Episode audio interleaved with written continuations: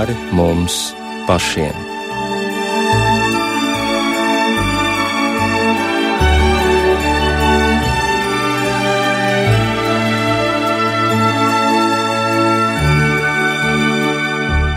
Skan raidījums pāri mums pašiem, studijā Rīta Brunēvica.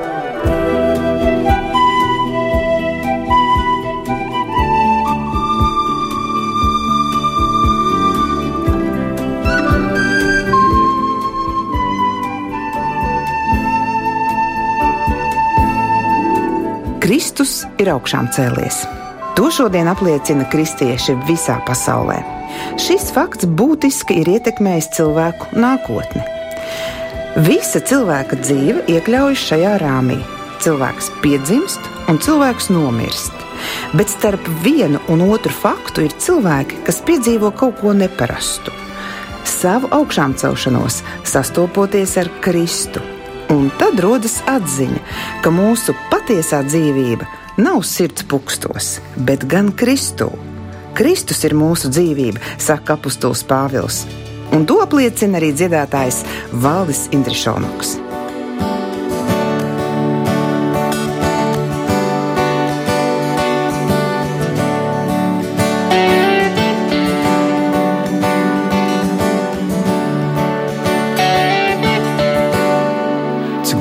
Brīnišķīgs tavs vārds! Tas man tik ļoti dārgs. Tas mana dzīvība, tas mana brīvība un augšām celšanās. Tu zemi radījis un jūru debesis.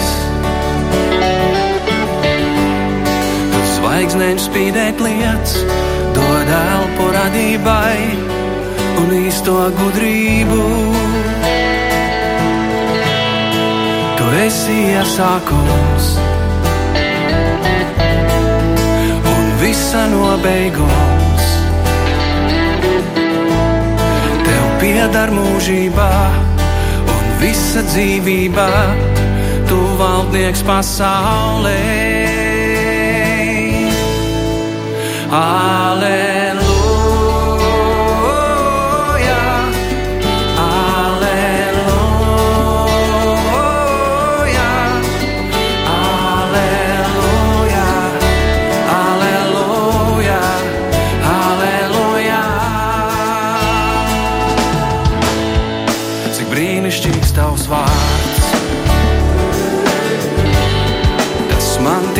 Ļoti dārgs. Mana dzīvība, tas mana brīvība un augšām celšanās. Es tevis apžēlots,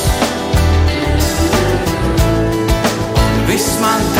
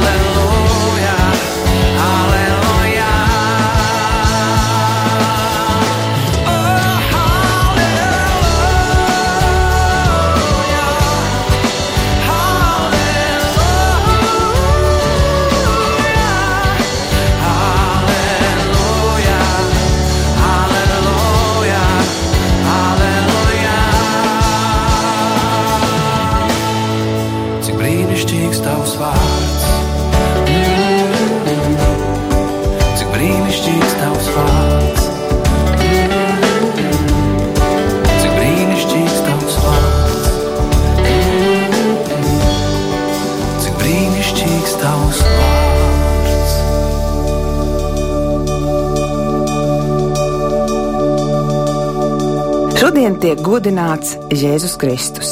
Mēs svinam svētkus.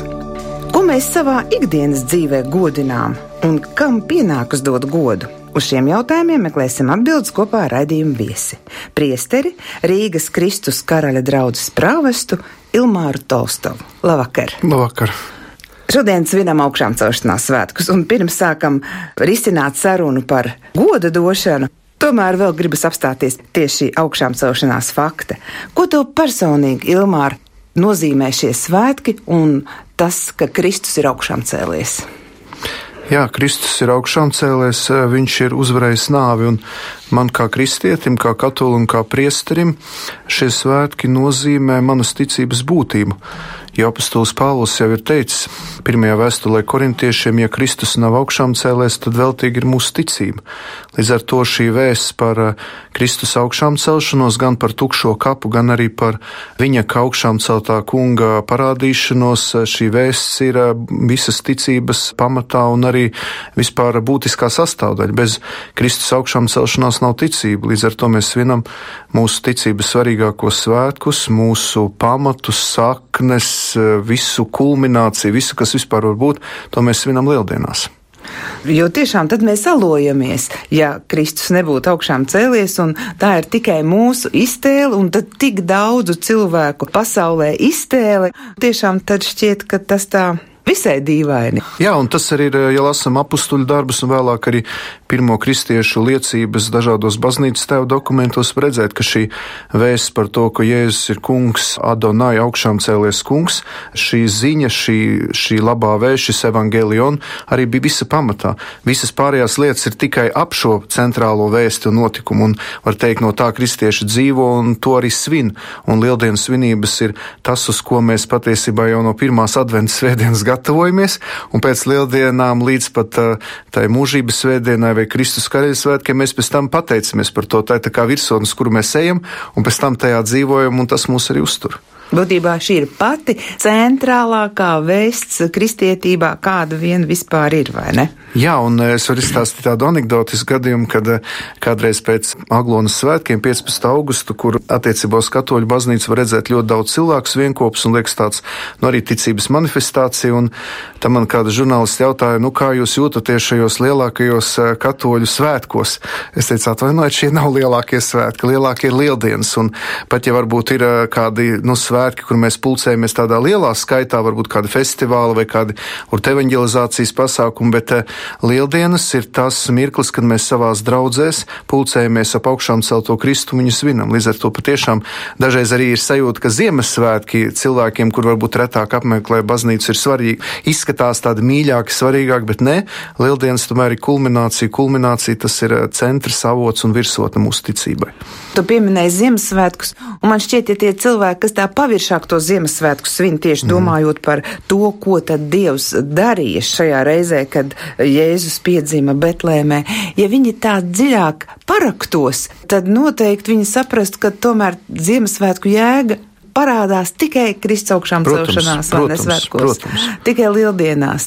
Un ja viņi arī svin Ziemassvētkus, tad jau arī ir jāsvin tas, protams, tas, tas protams. tālākais, tās lieldienas, jo, manuprāt, Ziemassvētku bez lieldienām nav. Nē, jau tāpēc, ka Lieldienas izskaidro Ziemassvētku jēgu. Lieldienās tu saproti, kāpēc Kristum vajadzēja nākt šajā pasaulē, kāds tad bija viņa mērķis. Lieldienas dot atbildes uz visiem šiem garīgiem jautājumiem, tas ir kā atslēga. Lieldienas ir atslēga visai Bībelē, svētiem rakstiem, visam tam, kam mēs ticam. Bez lieldienām, bez šīs vēsts nav saprotams pat arī Jēzus teiktais. Evaņģēlijs kļūst ļoti neizprotams, jo īpaši lasot arī evaņģēlija aprakstu, mēs redzam, ka mācekļi daudz ko nesaprot, pārprot Jēzus pat viņus viņus norāja. Pēteri un vienā brīdī nosauc par sātanu, ka viņš nesaprot, ka viņam jāiet uz Jeruzalem mirt. Līdz ar to, jā, lieldienas ir atslēga visam, gan vecai derībai, gan jaunai derībai, visam, kam mēs ticam. Izejot cauri lieldienu notikumiem, mēs ieraugam jēgu visam, ko darīja Jēzus, ko sludināja pravieši vecajā derībā, atklājās viss mūsu dzīvē. Tagad pārējām pie sarunas par goda izrādīšanu. Kas tad vispār ir goda būtība? Vispirmām kārtām Ja skatāmies no tāda globāla viedokļa, tad vislielākais gods šajā pasaulē pienākas dievam. Par Valteri Bausus tev būs godā turēt dievu un nevienu citu nelikt līdzās dievam. Tātad Dievs ir tas eh, vislielākais goda cienīgais, un visa radība, gan redzamā, gan neredzamā, gan arī viss, eh, ko Dievs ir radījis, tā skaitā arī cilvēks kā radības kronis, viņu gods izriet no tā goda, ko Dievs ir devis šīm radībām viņas radot. Un, protams, ka vislielākais gods pienākas eh, aiz dieva cilvēkam, jo cilvēks jau ir radīts pēc dieva attēla. Līdz ar to gods un cieņa, ko mēs izrādām, izriet no tās eh, patiesības, ka mēs ticam, ka ir viens radītājs un caur viņu un viņā mēs tā kā ieraugam šī goda jēgu, kāpēc nākas eh, godāt un cienīt tās vai citas lietas. Nu jā, lieldienās mēs eh, godinām Jēzu Kristu kā Dieva dēlu. Mēs arī līdz ar to godinām viņa tēvu. Dievu godinām, bet godināt var tie, kas atzīst, ka tiešām tam, ko mēs godinām, pienākas tā mūsu uzmanība un mums interesē, ko viņš dara, ko viņš domā varenais kungs, mūsu glābējs, kā mēs sakam, un pestītājs, un arī Dievs es teiktu, tā mēs esam izdarījuši zināmu spriedumu par to objektu. Un tad tas gods arī mēs viņam to dodam, parādām. Protams, katrai radītai lietai ir sava, es teikšu, arī cieņas pakāpe, jo gods ir ļoti saistīts ar cieņu. Augstāko cieņu un godu mēs veltam Dievam kā radītājam, tēvam, pestītājam, visu, ko Dievs mums ir devis, bet arī tālāk gan cilvēkam, gan tā skaitē radībām, piemēram, arī tā pati cieņa pret dabu, cieņa pret radību izriet no tā. Mm ja es neatzīstu Dievu kā radītāju un to, kuram pienāks lielākais gods, es arī ar kājām sāku mīdīt otru cilvēku, arī mīdīt radību, necienu vairs to, ko Dievs ir radījis. Tātad šeit ir ļoti plašs eh, tas jautājumu lokus un mhm. spektrs, kas iziet no šī goda un cieņas, kas mums jāparāda pašam Dievam. Tātad gods un cieņa cilvēkam un gods un cieņa radītājam.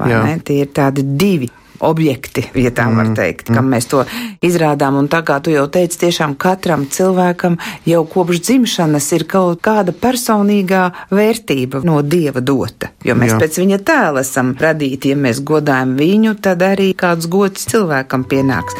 Bet kam un kā mēs par to vēl runāsim mazliet um, vēlāk.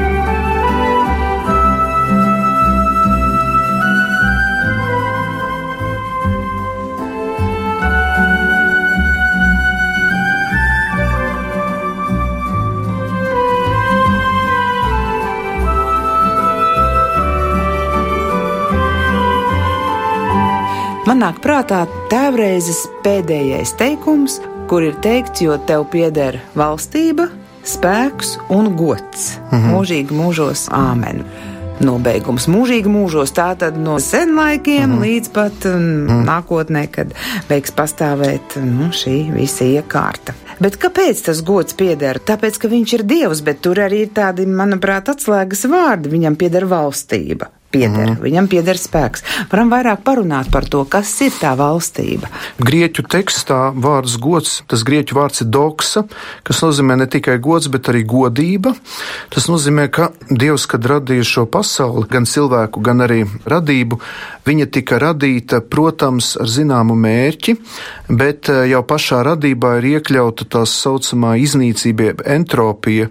Mēs zinām, ka viss, kas ir radīts, viņš nav mūžīgs. Mēs novecojam, visu visa daba noveco. Līdz ar to mēs redzam, ka arī grēks, kad ienāca pasaules sākumā, viņš ienesa savā veidā zināmu nekārtību gan mūsos pašos, gan arī visā radībā.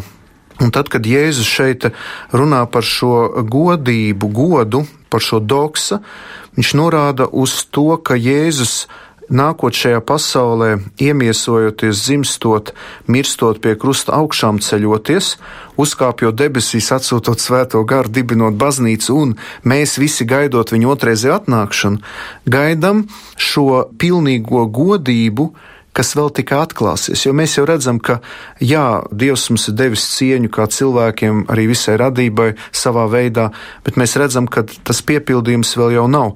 Cilvēka cieņa tiek mīdīta ar kājām, arī pret radību netiek izrādīta cieņa. Līdz ar to mēs redzam, ka tas ir tas Jēzus vēlējums, ir norādījot tev pieder valstība, spēks un godība mūžīgi mūžos. Tātad perspektīvu uz debesu valstību, kura ir atnākusi, bet vēl nāk jo mēs no Jēzus Kristus nākšanas miesā līdz Jēzus otrreizē atnākšanai atrodamies tādā interesantā starpstāvoklī. Jau viss ir paveikts, bet līdz galam vēl tomēr viss notiks, jo Jēzus ir devis šo solījumu, ka viņš nāks otrreiz šo zemi. Un šajā starpstāvoklī ir tas, ka no vienas puses ir gods, cieņa, šī godība, šī doksa, kura jau ir, bet tomēr ir gan šīs entropijas, jeb iznīcības skarta, gan arī grēka ievainota. Un tā ir tā drāma, kura savā veidā atklājas arī lieldienās - krusts, iznīcība, nāve un augšām celšanās. Šī necieņa un cieņa. Negods un gods, jo savā veidā lielajā piekdienā taču tiek izrādīts milzīgs negods, necieņa pasaules pestītājiem. Viņa cieņa, viņa gods tiek bradāts ar kājām. Un tad šī goda pilnā triumfālā uzvara, kur viņš iznāk ārā no kapa un saka, lūk, es visu daru jaunu. Es visu daru jaunu. Jā, domājot par valstību, tu teici, ka tas ir tas, kas vēl nāks. Protams, mēs viņu neredzam, un tad mēs redzēsim. Un ticība ir tā pārliecība par neredzamo dzīvojam šobrīd tikai ar savu ticību. Bet Tomēr kaut kādā veidā mēs taču tai valstībai pieskaramies, dzīvojot uh, savā miesā. Jā, nu mēs pieskaramies dažādos veidos. Mēs eh, pirmām kārtām jau, ja tā skatāmies no tāda ļoti vienkārša horizonta, ja perspektīvas, jau redzot, piemēram, dabas skaistumu, mēs ieraugam dieva godību, abrīnojot kalnu skaistumu, jūras šalkoņu, tur visu, ko dievs skaistu radīs. Pat ja arī tas ir pakļauts, kas saka, iznīcībā un atrodamies tādos procesos, kas nevienmēr ir, tur ir vētras, zemestrīces un visi dabas tās stihijas. Arī uzlūkojot cilvēku, pat ja cilvēks ir grēka ievainots, novecots un arī viņš noveco, tomēr mēs viņā ieraugam šo dieva attēlu, šo dieva godību. Bet, protams, vispilnīgākā veidā mēs šo dieva godību ieraugam Jēzu Kristu kurš ir uzvarējis nāvi, uzvarējis šo iznīcību un atklājis kā godības kungs. Jo pēc lieldienām viņš ir augšām cēlies kungs, kungs, kurš valda kopš mūžības un sēž pie tēva labās rokas. Un starp citu arī viņa debesīs uzkāpšana arī to simbolizē, ka augšām ceļoties viņš aptver visu radību un viņu tā kā paaugstina. Viņš ieicina tajā svēto garu un aicina uz atjaunot, uz atzimšanu. Un tas process, tā godības atjaunošana ir notiek. Protams, caur kristīgo baznīcu, caur sludināšanu dziedināšanu, caur atgriešanos, caur domāšanas veidu maiņu. Nu, tur ir ļoti, ļoti, ļoti plaši, ko tikai Dievs nedara caur mums, mūsos un ap mums un visapkārt. Nu, ja man nāk prātā Pēteris, kur jau tu pieminēji, jo klusajā nedēļā droši vien par to arī lasa un atceras, ka Pēteris bija tas, kurš aizbēga vai ne, un Jēzu aizliedz, ka viņš viņu nepazīst.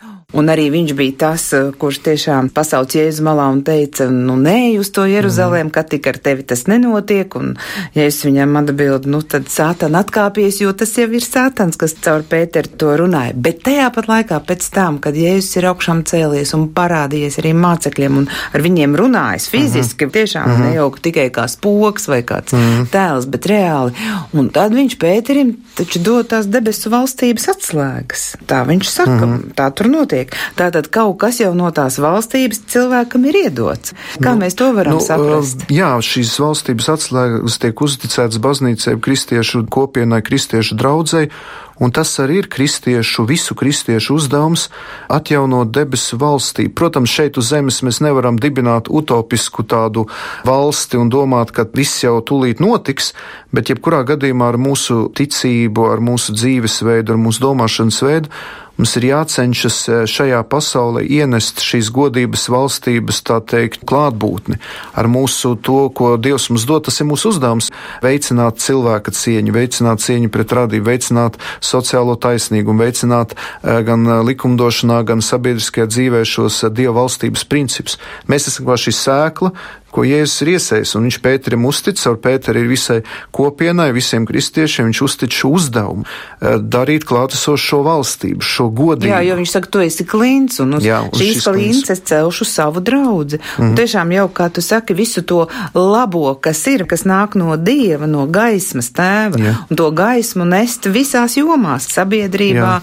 un ikdienā, un savā ģimenē, un, un tas ir tiešām draudzes uzdevums, un, nu, ikviena cilvēka uzdevums, bet bez Dieva spēka jau mēs nevaram. Mēs jau neesam tik labi un tik tīri. Nē, nu, mēs, mēs redzam arī, kas notika pēc augšām mēs... celšanās, tādā sprādziena veidā.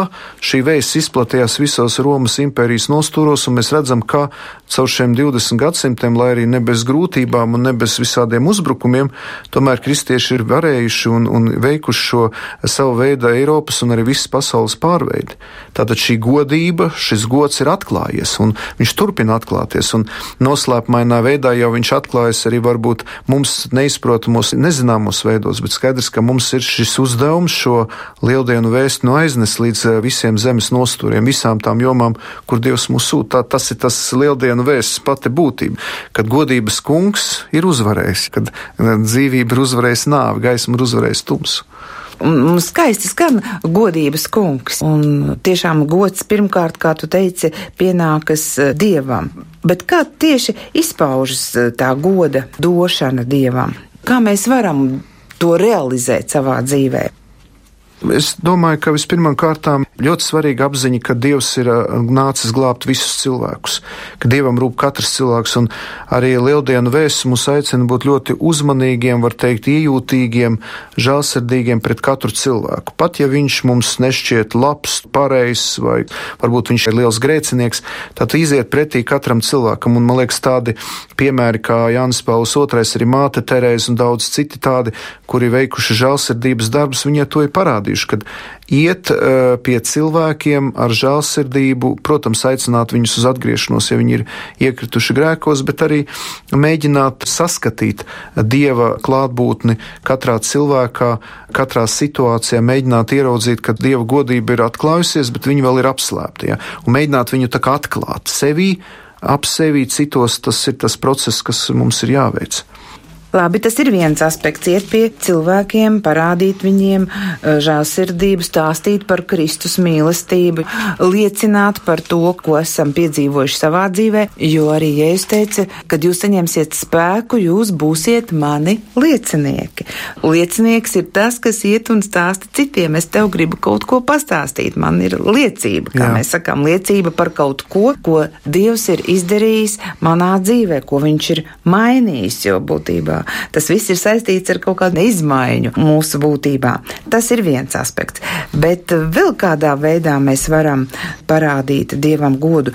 Tas ir ļoti svarīgi, jo Jāņa evaņģēlijā 5. nodaļā 22. 23. pāns, tas man uzrunāja šajā lieldienu laikā. Tur ir rakstīts tā, es varbūt nolasīšu. Uh mhm. -huh. Jo tēvs vairs nespriež tiesu ne par vienu, bet visu tiesu ir nodevis dēlam, lai visi godātu dēlu. Tāpat kā viņi godā negodā tēvu, kas viņu sūtīs. Kas dēlu negodā, negodā tēvu, kas viņu sūtīs. Lūk, cik konkrēts norādījums. Ja mēs negodām dēlu, tad mēs arī negodājam tēvu.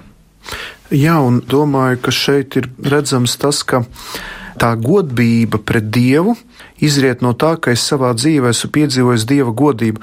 Mēs redzam, ka evaņģēlijos Jēzus speciāli uh, slēpa savu mesijānisko godību. Daudziem viņš likās Ļoti vienkāršs cilvēks, nāca arī iedzīvotājs, saka, kas tu tur viņš mūsējas, tur galvenieks, ko viņš tur. Un bija tādi brīži, kad viņš uzkāpa kalnā pārveidoties, dažās situācijās, kad viņš piemēram veica pirmo brīnumu kānā, kad viņu nāca sagūstīt vajātāji, vienā brīdī jāņem un teica, ka viņi nokrita pie zemes. Tajā brīdī uzplaiksnīja dieva godība, arī kristīšanas brīdī, kad atskanēja tēva balss. Un uh, simtnieks, kad uh, Jēzus mirst pie krusta, viņš saka, patiesi šis bija Dieva dēls. Tad atklāja šis godības kungs. Un uh, kristietībā ir ļoti svarīgi, kad pēc augšām celšanās, kad Jēzus ir augšām cēlies, kad es izveidoju personiskas attiecības ar augšām cēlu šo kungu un atdodu viņam godu, man rodas godība pret viņu, un tad caur šo godību pret viņu man ir godība pret to, ko viņš ir radījis, pret to, ko viņš ir atpestījis. Ja man nav godība pret Dievu, ja man Dievs neko nenozīmē, Jēzus man neko nenozīmē, ja viņa augšām celšanās man neko nenozīmē, tad man arī var nenozīmēt to, ka otrs cilvēks jāciena, ka jāciena nedzimušie bērni mātes miesās, kad eh, nedrīkst nogalināt eh, vecus cilvēkus eitanāzijā. Jo tā morālā mācība, kas ir ietverta baušļos un arī Kalnas prediķa evaņģēlē un vispār, ko sludina arī Kristīgā baznīca, viņi ir tikai tad saprotami, ja es esmu izgājis savu augšām celšanās pieredzi. Kamēr Jēzus man nav šis Adonai, šis Elohim, ka viņš ir augšām cēlies kungs, Tikmēr es nevaru saprast, kāpēc baznīca nodarbojas ar moralizēšanu. Ko viņi tagad te ņemās? Nu, ko viņi tur tagad stāstīja? Nu, Priekš kam tas viss ir vajadzīgs? Jo man jau neko nenozīmē arī Dievs, kurš visu to ir devis. Tad te ir tā jēga, kamēr nesmu piedzīvojis evanģelizāciju savā sirdī, kamēr es atgriezies, man tas viss var šķist uh, pilnīgi lieks. Un tāpēc es domāju, baznīcas uzdevums, un to uzsver arī Pāvis Francisks, kad uh, ļoti svarīgi ir um, to vēsti koncentrēt uz šo būtisko, jo bieži vien mēs tik ļoti izšķīstam tajās mazsvarīgās detaļās un pati baznīca pārvēršas par tikai tādu moralitātes centru, kur tikai teikts, tev būs, tev nebūs, tev jādara, tev jā, nav, jādara, bet neparādās šis augšām celšais kungs, kurš tad ir atslēga. Jo kā tu piedzīvo augšām celšanos savā dzīvē, caur jēzus augšām celšanos, kā tu izēj ārā no savas dzīves kapa, tā tev viss kļūst skaidrs, tev viss nostājas savās vietās. Tu saproti, kāpēc to var, to nevar. Tev ir Dieva vārds atklājās, tu to personificē uz savu dzīvi, tu to vari izdzīvot. Tam, tam visam uzreiz rodas dziļa, dziļa jēga. Tas gluži tāpat kā Nikodēms, kas nāca Jā. pie Jēzus un prasīja viņam, nu, kas viņam ir jādara. Mm -hmm. Un viņš saka, tu man prasi, tu jau esi gājis baznīcā, sinagogā, un tu vēl nezinu, bet atslēga tiešām ir tā, ko tu saki. Viņš pasaka, tev jāpiedzimst no augšienes. Jā.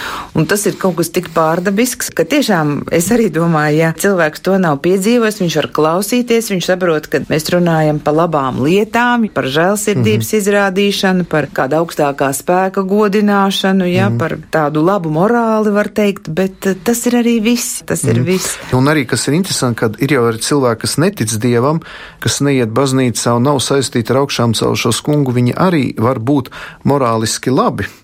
Un es zinu, ka arī cilvēki, kas nav ticīgi, viņi ļoti žēlsirdīgi un Jā. piedalās karitatīvos projektos, bet šeit tā atslēga arī šis doksa grieķu valodā, šī godība, ka kungs tomēr mūs aicina ne tikai cienīt to otru cilvēku un cienīt šo pasauli un ievērot šīs pasaules likumu, bet viņš caur lieldienām arī vērš skatu uz sevi un norāda, bet visaugstākais gods pienākas dievam, kungam, un arī mēs tiekam aicināti uz šo jauno pārveidi mūžībā. Tāpēc, piemēram, e, ir interesanti, ka man iznāk, es kalpoju Rīgas Kristus karaļa draudzē, mums ir apkārt ļoti daudz kapi. Tur ir sarkandaugo meža parks, tur ir pirmie meža, otrie un sarkandaugos. Man iznāk daudz izvadīt cilvēks, un es raugos uz cilvēku, kurš guļ zārkā. Un viņš ir e, nomiris, e, viņā tātad vairs nav dzīvība, tad veseli šo miesu ir atstājusi, bet mēs tomēr izrādām cieņu šim cilvēkam, mēs viņus izvedam kristīgi, ar cieņu apbedam, atceramies viņu. Un tas arī parāda to, ka e, cilvēka mērķis nav tikai šī zemes dzīve, kad viņš gatavojas šai pārējai, šai sarkanās jūras čērsošanai, lai ieiet debesu valstības godība. Un tāpēc ļoti būtiski nepazaudēt, un to arī kristietība vienmēr cenšas uzsvērt, jā, mēs rūpējamies par šīs zemes lietām, mēs rūpējamies par šīs zemes godu, godību, un tas ir būtiski, bet pie tā mēs nevaram palikt. Ka mums ir šis vertikālais skatījums uz debesīm, kur tad būs tā mūsu visīstā godība. Jo, lai cik lielu godu mēs izrādītu šeit, gan savstarpēji, tur, ja ģimenē, vecāki pret bērniem, vai kā savādāk, vai arī visādos veidos to cieņu vai godu, pirmām kārtām grēka ievainojuma dēļ mēs tik un tā līdz galam nespējam cienīt un godāt, jo mums ir šis grēks, kas traucē, un otrs lieta ir iznīcība, jo mēs visi taču aiziesim no šīs pasaules. Līdz ar to tā īstā godība tā īstais cieņas goda piepildījums būs debesu valstībā. Šeit ir tikai tāda prelūdija, ievads, mēs mācāmies, mēs ejam šo ceļu, mēs esam kā tādi Jēzus skolnieki, kuri mācāmies cienīt un godāt otru cilvēku, kā Jēzus to dara attiecībā pret mums. Jā, dzīves laiks mums ir dots, lai mēs mācītos un izaugtu debesu valstībai, vai ne? Jā. Un te nu ir tas jautājums, vai nu cilvēks tic vai nu netic, ka viņš ir nemirstīgs, ka viņam ir nemirstīgs gars, nemirstīga dvēsele, un tā miesa kā tāds mētelīts arī tur kapā paliks. Bet tur ir tā atslēga, ka dzīves laikā cilvēka dvēsele tik cieši saistīta ar miesu, ka pirmkārt cilvēkam ļoti grūti šķirties no miesas. Tas nu, nāves noslēpums vienmēr ir ļoti nu, dziļš un nopietns cilvēka dzīvē. Tas ir viss vis, vis, vis eksistenciālākais jautājums, kas ir cilvēka dzīvē, cilvēka iekšienē, kas notiks ar mani pēc nāves, bet arī tas, ar kādu cieņu mēs pret šo miesu izturamies. Mēs viņu nenometam, kā nu tur tāda miesa. Nē, tas ir ar lielu cieņu, un mēs pie tam uz kapu kopiņām uzstādām krusta zīmi, kas ir tāda sena zīme, ka mēs ceram uz mirušu augšām celšanos, ka mēs gaidām gaidām, kā to saka svēti raksti, ka Jēzus atnāks un visus mirušos piecels no kapiem. Ja. Tam, protams, ir tāda pārdabiska nozīme, bet uh, vienmēr kapsētas un tādas mirušo vietas arī jau no pirmajiem kristiešiem, sākot ar katakombām, bija īpašas vietas kā atgādinājums, kad šīs zemes uh, mājoklis ir tikai nu, īslaicīgs, ka mums ir šī debesu godība. Tā kā tur ir ļoti daudz aspekti, kas uh, lieldienās vēl spēcīgāk atklājas, jo šis tukšais kaps ir kaut kādā veidā arī mūsu katra kaps kurš mūs gaida. Un tad ir tas lieldienu rīts, šis, šis augšām celšanās notikums, kas mums ir sagatavots, kurā mēs varam ieiet. Jautājums tikai, vai mēs atveram savu sirdi un pasakām jā šai perspektīvai. Nu jā, nāk prātā, ja es vārdu viņš saka, kas man tic, tas nemirs, bet dzīvos mūžīgi. Tas nozīmē, ka fiziski iznāks tomēr nomirt, bet kaut kas notiks tajā miršanas brīdī. Jēzus būs kopā ar mums. Mēs neesam vieni. Mēs ejam tālāk kopā ar viņu, un tas jau ir kaut kas brīnišķīgs. Ja manā miršanas brīdī ir kāds varens man blakus, un mēs aizejam valstībā, ko acs nav redzējusi, ja, kas neviena mm. cilvēka prātā nenāk, ko Dievs mums ir sagatavojis. Tas ir kaut kas ļoti, ļoti fantastisks. Man pat gribās citreiz bērēs uzlikt lieldienas sveci, un es saku, bet šodien ir lieldienas šim cilvēkam šodien ir lieldienas, jo viņš iet šo augšām celšanās spēku.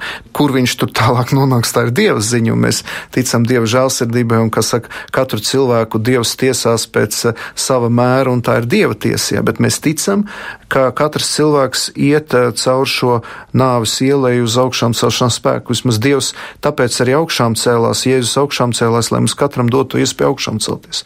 Jo patiešām šī mirušu augšām celšanās ir, ir būtiska, un, un es domāju, ka tam vajadzētu vajadzētu būt tam motīvam, kas arī aicina cilvēku uz atgriešanos. Jo pēc būtības mums katram, arī kas varbūt šobrīd klausās, ir jāpadomā, kas tad notiks ar mani pēc nāves. Kas tad būs tad, kad mani guldīs tajā kapu kalniņā? Kur tad būs mana dvēsele? Uz kurien te viņa dosies? Jā, Kristus augšām celšanās svētki ir tāds labs laiks, lai to arī darītu un par to pārdomātu. Un mums ir brīvas dienas, gan šī svētdiena, gan vēl pirmdiena ir brīvdiena.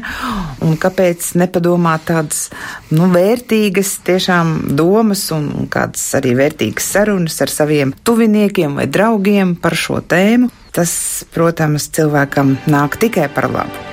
Viņš augšām cēlījās, viņš uzvarējis, viss piepildīts viss bija pildīts.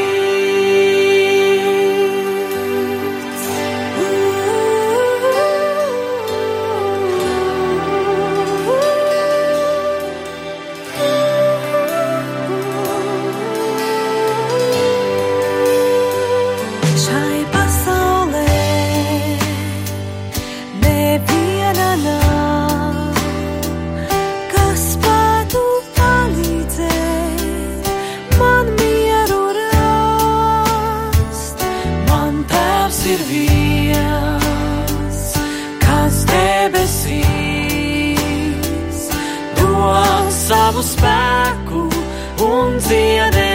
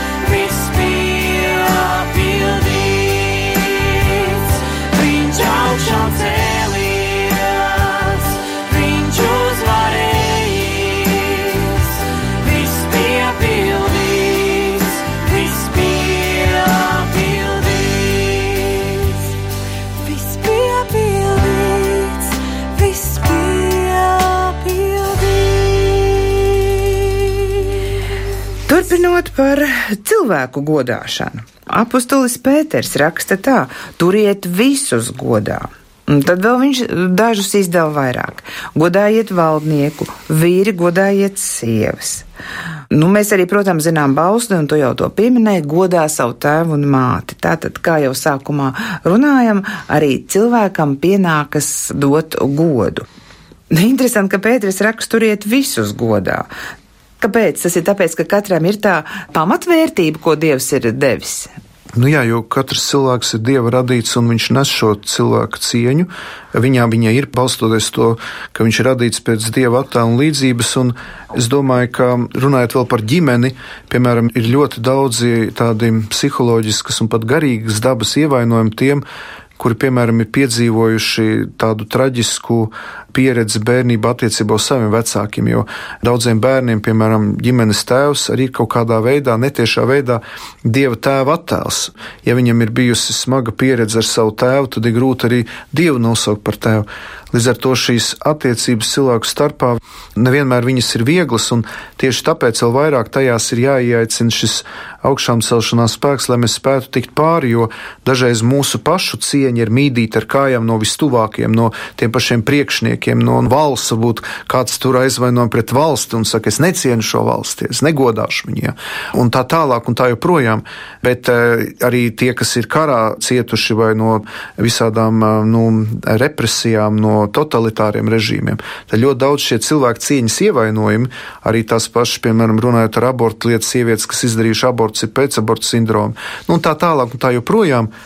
Un Jēzus ar augšām celšanās spēku ienāk tajā, un tā ir iespēja arī tikt dziedinātam tajās situācijās, kur šī cieņa ir tikusi brādāta ar kājām. Jo šeit jau ne tikai tas, ka man ir jāciena kāds, bet arī mani ir jāciena citiem, un nevienmēr mēs esam tikuši cienīti. Tā kā kungs ar šo augšām celšanos arī atjauno mūsu pašu cieņu, un ja mēs iecinām augšām celšos kungu savā sirdī, viņš var arī mainīt mūsu sirdi, un tā vietā, lai mēs varam turēt aizvainojumu un naidu pret visiem, kas mums ir darījuši pāri, mēs varam piedzīvot šo augšām celšanās spēku, šo garīgu izaugsmu sevi un sākt mīlēt citus. Ar to mīlestību, kā iesaka, mīliet savus ienaidniekus, lūdzieties par tiem, kas jūs vajā. Kas cilvēciski ir bieži vien neiespējami vai ļoti grūti izdarāms, bet Dieva spēkā mēs to varam. Un pirmie kristieši arī tika nu, baroti lauvām, tika iznīcināti. Un viņi tikai augšām celšanās spēkā to arī ne jau cilvēciski. Viņi varēja pieņemt šīs vajāšanas un šīs lielās, nu, lielās sāpes un, un grūtības, kas viņiem bija. Jā, un atkal mēs atgriežamies pie Jēzus Kristus, kad viņš ir atslēga visam, un tas nozīmē, ka mēs atkal atgriežamies pie Dieva un nonāku pie secinājuma, ka bez viņa mēs nevaram neko. Jā. Un, un Jēzus jau to apstiprina, sakot, bez manis jūs nenieka nespējat. Nu, vispār mums vairāk jārunā tiešām par to, kas ir Jēzus, jo es domāju, ka cilvēki arvien mazāk par to domā, runā un tam tic, pa īstam tic. Nu, var jau pateikt, es ticu, bet tālāk, ko tas tad nozīmē? Es ticu, tad jātic ir katram vārdam, ko viņš saka, jo nav tā, ka es ticu vienam teikumam, teiksim, tēvreizē, mm. bet pārējam, nu, nezinu, nesaprotu, kas tur ir. Atbildot šo jautājumu, tie evaņģēlisti, kas rakstīja evaņģēliju, un arī apstults Pāvils, un visi viņi jau rakstīja pēc Jēzus augšām celšanās. Pirmā, eh, ja nemaldos, vēstule Tesloniķiešiem tika sarakstīta 53. gadā. Tas nozīmē, var teikt, ka šie evaņģēliju un teksti sarakstīti jau ar augšām celšanās pieredzi. Protams, viņi rakstiski fiksēja un atstāstīja to, ko viņi bija dzirdējuši, un evaņģēlisti redaktori, arī Pāvils ir sava veida redaktors. Bet kas interesanti, ka viņi daudzās situācijās jau arī ieliek šīs atslēdziņas. Ja tur tā rūpīgi ieskatās, ir tādas atslēdziņas, ka to Jēzus teica, lai mācekļi pēc augšām celšanās saprastu, to, ko viņš gribēja teikt. Tā kā lieldienu notikums dod atslēgu visam, gan svēto rakstu izpratnē, gan arī mūsu dzīvē. Es domāju, ka katru gadu lieldienas nav vienādas. Mums liekas, nu jā, viss taču atkārtojas, un mēs taču to zinām un tā tālāk.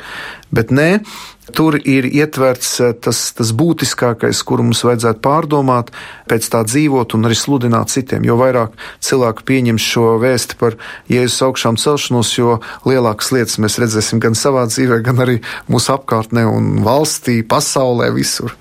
Nu jā, jo Dievs ir dzīves Dievs un Viņš mūs uzrunā katru dienu, un kā tu teici, katru dienu mums arī dod kaut ko jaunu. Jā. Nav tā, ka mēs vienreiz te pasēdējām pusgadu, visu iemācījāmies, un tad ar to arī dzīvojam tālāk visu dzīvi. Bet katru dienu kaut ko jaunu un arī tieši to, ko mums vajag šai dienai un, kā tu teici, šajām lieldienām. Es nezinu, es jūtu, ka šajās lieldienās mums tiešām ir vairāk jāpastāst, kas ir Jēzus Kristus un kā mēs viņu personīgi varam piedzīvot. Jo, ja nē, tad mēs atkal fantazējam. Jā? Tā ir mūsu fantāzija, tukša iedoma un stāstām pasakas cilvēkiem. Es domāju, ka ir bīstamība, kas arī bieži noticis ir Eiropas, arī kristiešu vidū. Es to saucu par horizontalizāciju. Es nezinu, vai tādu vārdu var lietot. Ka pazaudēt šis vertikālais skatījums, ka it kā to Kristus vēsta noplicina, jau viņi padara ļoti horizontāli. Tas nav slikti, jo viņi arī ir iemiesojusies. Kristus vēsts jau ir klātsošs šajā pasaulē, bet nedrīkst pazaudēt šo saikni ar šo mūžību, ar šo debesu valstību, ar to, kas nāk. Kā mācekļi saka, Mārānā tā nāc kungs Jēzu. Pirmo kristiešu draudze bija nemitīgi šajās ilgās pēc Jēzus otrreizējas atnākšanas, ka šeit mēs esam ceļinieki, mēs esam skolnieki, mēs mācāmies, mēs ejam šo ceļu, mēs lasam Dievu vārdu, mēģinām atklāt, ko kungs mums vēlas pateikt šajā situācijā. Šo aspektu nevajadzētu pazaudēt. Man liekas, ka lieldienas tas ir tāds mazliet tās drusku sprādziens, ja? Tas tā kā izsit ārā no mūsu ikdienas un noskurina jau un saka, Jēzus ir augšām cēlis, viņš ir dzīvs, viņš ir kungs un mēs gribam viņu apliecināt un mēs gribam viņu atklāt. Jā. Jo, ja mēs viņu nevaram atklāt, tad atkal tas ir garām. Ja? Mm -hmm. Bet viņš mums palīdz sevi atklāt. Viņš mm -hmm. mums palīdz sevi atklāt. Jo neparvelti viņš arī teica, es esmu dzīvības maize. Nu, maize ir tāda lieta, ko mēs ēdam katru dienu. Nu, varbūt, mm ka gavēņa laikā nēdām, vai kāds vēl ieturās un nēd, bet vispār maize tas ir tāds pamat elements. Bet tad es domāju, arī maizes ir dažādas. Un te ir tas, ko tu teici, ka katru dienu vai īpaši arī svētkos mums ir kaut kas cits jāatklāj. Tad vienreiz salskāp maizi, vienreiz rupi maizi, vienreiz ar sēklām maizi, bet maizi jau paliek uh mhm. -huh. maize, vai ne? Bet viņi ir tik dažādi, un, un tad mēs to baudām. Bet kā lai mēs tiekam tuvāk tai saprašanai? Es domāju, ka viens ir tas, ka labi, mums ir šodien lieldienas, kas ir kulminācija, bet mēs jau arī katru svētdienu pulcējamies nedēļas pirmajā dienā, jeb eh, Romas impērija to sauc par saules dienu, kunga augšām celšanās dienā, mēs piedalāmies maizes laušanā, kā apstu darba grāmata otrajā nodaļā, 42. pantā teikts, šī kopiena pastāvēja maizes laušanā, lūkšanā, sadraudzībā un, un dieva slavēšanā. Līdz ar to mēs esam šie ceļinieki, kā emausas mācekļi, nu viņi gāja projām, viņi satiek nepazīstamus svešinieku, un viņš prasa, ko jūs tādi bēdīgi. Saka, nu, vai tu, nezini, kas notika Jeruzalē? Mūsu skolotājs solīja, ka viņš augšām cēlies, bet tagad ir e, jau trešā diena, un kaut kāda sieviete stāsta, ka viņš esot it kā dzīvs, bet man liekas, ka tās ir muļķības. Un tad šis noslēpumainais svešinieks, viņš sāk viņiem skaidrot rakstus, un viņu sirds sāk degt, un tad riet saule, un tad uh, viņi saka, bet paliec ar mums, kungs, jo vakars jau metas. Un tad vēlāk pie maizes laušanas atklājas, ka tas ir augšām cēlies kungs. Un tā kā mēs katru svētdienu pulcējamies savā draudzē, pie maizes laušanas, pie dievu vārdu lasīšanas, slavēšanas, lūkšanas, pielūgsmas, kungs mūs sevi atklāja. Un tas ir process. Tas ir process, citam tas ir varbūt ātrāks, citam lēnāks, un tur ļoti grūti pateikt, jo ar attiecībā uz katru dievam jau mums ir savs plāns, un viņš katram mūsu dzīvē atklāja kaut ko pilnīgi savādāk. Tā kā es domāju, ka neapstāsimies tikai pie lieldienu dienas, bet darīsim tā, lai katra svētdiena mums būtu kā lieldienas, un katra diena mums būtu kā iespēja satikt kungu. Jo patiešām man ļoti patīk, krievu valodā ir vārds vaskrisieņie, jā, tas ir izcili, jā. jā katra svētdiena ir kā augšām celšanās. Tā kā, nu, vienkārši dzīvot šo vēstu ikdienā un nest to tālāk, un izdzīvot to savā ikdienā. Es secinu, ka jāpieliek ir arī savs spēks Jā. no tava teiktā, ka nevar tikai tā apcerīgi staigāt un gaidīt, kungs atklājies, mm. kungs palīdzi, ja, un vadi un tā tālāk, bet jāpieliek arī savs spēks un kaut kur jādodās. Jādodās uz draudzi, Jā. jādodās varbūt pie cilvēkiem, kas Jēzu pazīst, kam ir attiecības ar Dievu, ja kam Dievs atklājās, mm. jo Dievs arī cilvēkiem dažādi atklājās. Nav tā, ka visiem vienādi, mm. ja kādam ir lielāka pieredze, kādam ir mazāka, tik cik arī laikam viņš pieliek no savas puses spēku, vai arī kādam uzdevumam viņš ir aicināts. Ne, un arī atvērties kalpošanai, kalpošanai draudzē, kalpošanai sabiedrībā. Kristiešiem ir svarīgi būt aktīviem sabiedrībā. Man ļoti uzrunā tie kristieši, kas nebaidās, kas iesaistās sabiedriskajā dzīvē, ja vajag arī politiskā dzīvē, kultūras dzīvē. Jo vairāk kristieši būs klātesoši sabiedriskajos procesos, jo mums būs, teikt, vieglāk dzīvot, un jo vairāk šis augšām celšanās spēks būs klātesošs. Tā kā mūsu kā kristiešu uzdevums ir šo doksa, šo godību, šo godu e, nones šeit uz zemes. Nu, protams, mēs zinām, ka tas viss ir ierobežots, grēka skarts un, un nepilnīgs, bet tomēr no savas puses tas jau ir tas svētais gars, kas mums palīdz, ka mēs nesam šo godību visās jomās, visās sfērās, kur mēs esam. Lai augšām cēlies kungs, lai viņš izsvēta, lai viņš ir klātesošs visās tajās jomās, kur mēs esam lai mēs kļūstam par augšām saušā kunga mācekļiem, lai mēs būtu šie liecinieki, kas liecina par viņu, ka viņš ir miris un augšām cēlies. Un rezumējot mūsu sarunu, tad kam mēs dodam savā dzīvē godu? Jo es saprotu, ka bez goda došanas cilvēks dzīvot nevar. Ja viņš arī saka, es nevienu negodāju, es domāju, kaut ko viņš tomēr godā.